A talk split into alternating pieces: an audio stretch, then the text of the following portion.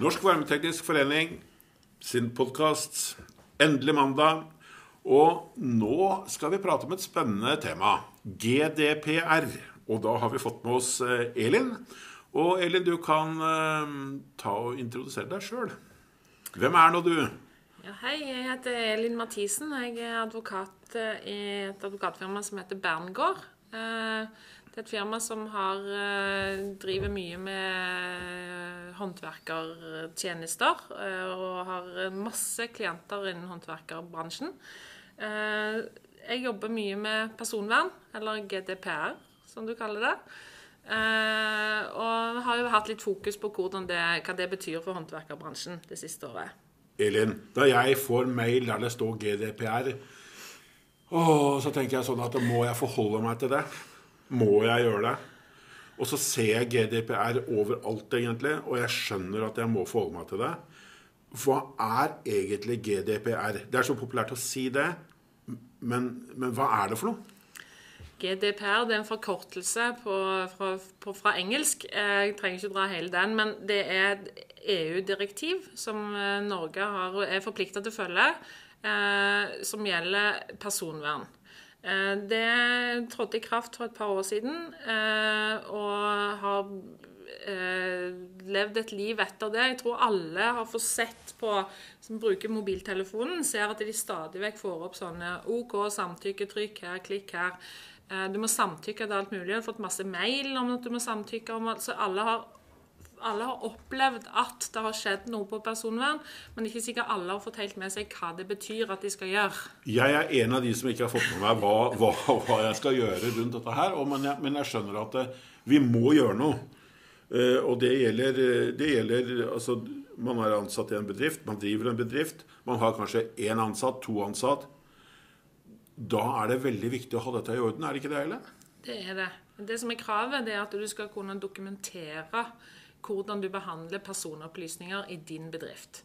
Eh, hvis du ikke har noen ansatte, så behandler du jo stort sett ikke noen andre personopplysninger enn det som er om kunde og leverandør, og det er kanskje ikke så veldig eh, kan du si, sensitive ting, men du behandler likevel noen mailadresser og noen adresser osv. Hvis du har ansatte, så behandler du plutselig òg mer sensitive personopplysninger, og du får en sykemelding osv.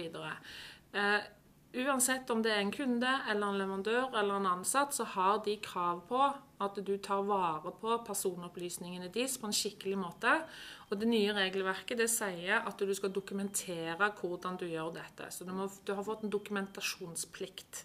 Det er nytt. Ja, så hvis, så hvis, en av mine ansatte er syk og leverer en sykemelding, så skal, den, så skal jeg dokumentere hvordan jeg, jeg forholder meg til den sykemeldinga? Er det sånn å forstå? Ja. Du skal f.eks. Eh, ikke sende den rundt på mail alle steder. Du skal ikke printe den ut og glemme den på printeren. Eh, du skal ikke bare legge den i en skuff som er ulåst, sånn at andre kan komme og se det. Du skal ha rutiner som gjør at sånne personopplysninger blir håndtert på en ordentlig måte. Ja. Kundelister. Altså, jeg har x antall kunder som jeg, som jeg har kontonummer til, jeg har adressen til.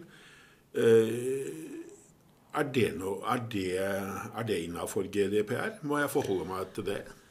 Ja, altså Du må jo ha en oversikt over hvilke kunder du har. for de skal du sende en regning til. Du, får, du, har jo inngått en kontrakt med de som de kanskje er et eller annet de vil reklamere på. Og det kanskje de skal reklamere i mange år fremover i tid.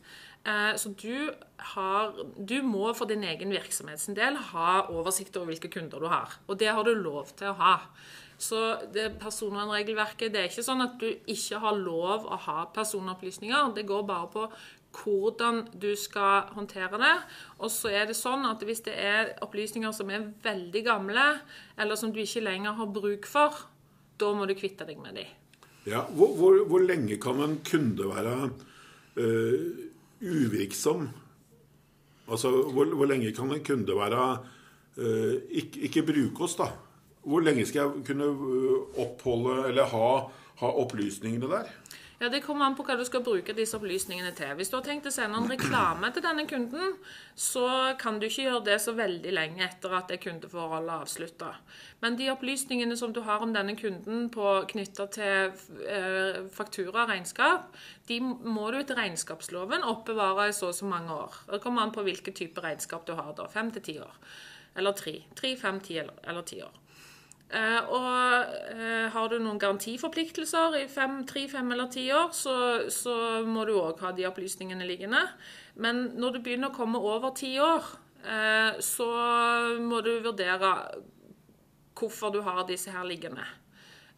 og det, det, oppleves jo ofte Dette er jo dilemmaet for håndverkere, da, for det oppleves jo ofte som en kunde, altså kunden har lyst til å ha, ha, at du har opplysningene liggende, for de kan komme tilbake igjen om mange år og si ja, du holdt jo på hjemme hos meg og gjorde sånn og sånn. Ja, og da vet det er et reelt tilfelle. Nettopp. og Da ja. vet du hvordan det ser ut.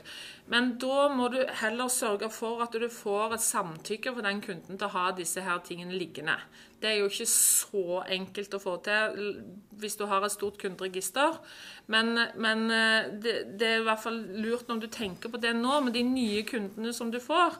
Om du, kan du be de om å ha samtykke, om de ønsker at du skal ha personopplysningene deres, eller opplysningene om bygget eller det du gjør, liggende eh, lenger enn det som er nødvendig etter ja. lovgivningen. Men, men, er det sånn at eh, kan du skrive på en faktura at eh, ved å betale denne fakturaen, så gir du eh, firmaet det og det lov til å oppholde eller oppbevare dokumentene i, i 15 år?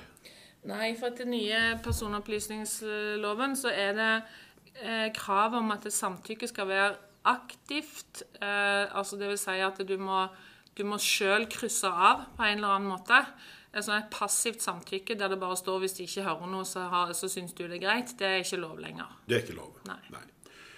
Nei men det er greit. Eh, så er vi over på dette med mail. Er det, hvordan må vi forholde oss der? Har du noen eksempler? Ja, altså eh, Kan jo nevne et eksempel med en, eh, en kompis som eh, vet jo at jeg driver med GDPR. Da, så han sendte meg en sånn eh, litt sånn sur mail, nei, ikke mail, SMS, om at han hadde fått en mail fra en rørlegger som hadde sendt eh, med kopi til alle som bodde i hele blokka, 200 stykker. om at han skulle komme og ha en, ha et, en sånn årsbefaring. Eh, og da ble jo min kompis sur, for da hadde han blottlagt alle mailadressene til alle som bodde i blokka, og da kunne de drive og sende sånn mail kunne få masse mail han ikke hadde lyst på etterpå, fra de andre naboene som de egentlig ikke hadde lyst til å kjenne.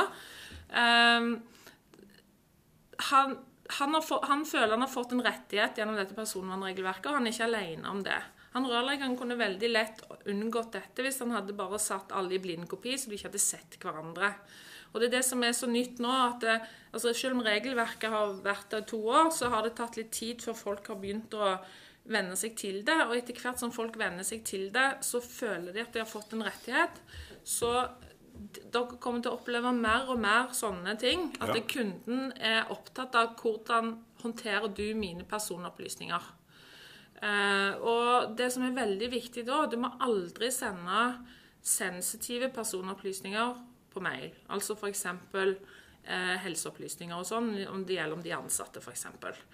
Mail er et åpent postkort. Det kan hvem som helst lese. Ja, det, kan. Eh, det er òg krav om Datatilsynet har også lagt ut krav om at du ikke må sende personnummer 11 siffer på mail eh, uten at det er kryptert. Og personnummer 11 siffer det er der jo i en del skjemaer eh, som går til det offentlige, f.eks. Ja, det er det. det. Eh, Men har, du, har, du, da ikke lov til å sende det på mail? Nei, altså du kan sende det på kryptert mail, og det er veldig enkelt å kryptere mail nå. Det er egentlig, Hvis du har Office-pakken, f.eks., så er det bare å trykke på en sånn knapp. Så det ja. er ikke så vanskelig å få til. Uh, men det må en bare uh, Så en må være litt sånn oppmerksom på at en ikke sender uh, personnummer 11 siffer på e-post, for det er, en, det er en åpen kanal. Ja. Men jeg har, jeg har sett litt på dette GDPR. Altså lite grann har jeg sett på det. Men jeg mister jo helt motet, for det er jo ekstremt mye å, å lese gjennom. Og det er jo skrevet på et sånt språk som jeg sliter med å skjønne hva, som, hva jeg egentlig leser. Har du noen tanker rundt det? Er det, er det, er det noen som lager skjemaer som ikke advokater kan lese? Gjør dere det? Ja, det gjør vi. Og det er jo eh, Altså, når dette regelverket eh, trådte i kraft, så fikk jo vi henvendelser fra våre klienter, som er jo da små og mellomstore bedrifter, mye i håndverkerbransjen, som var helt fortvila. Hva gjør vi nå? Hvordan skal vi forholde oss til dette?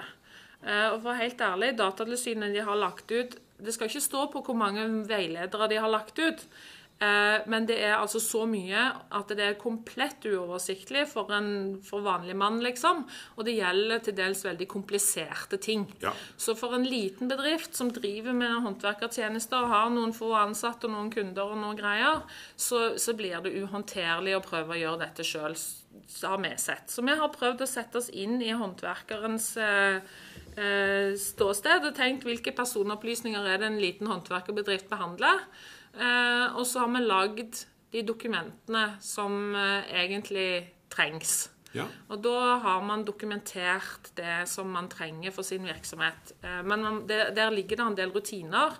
Eh, De må man jo selvfølgelig følge. Dette er jo ikke bare et papir som man skal printe ut og sette i, i hylla.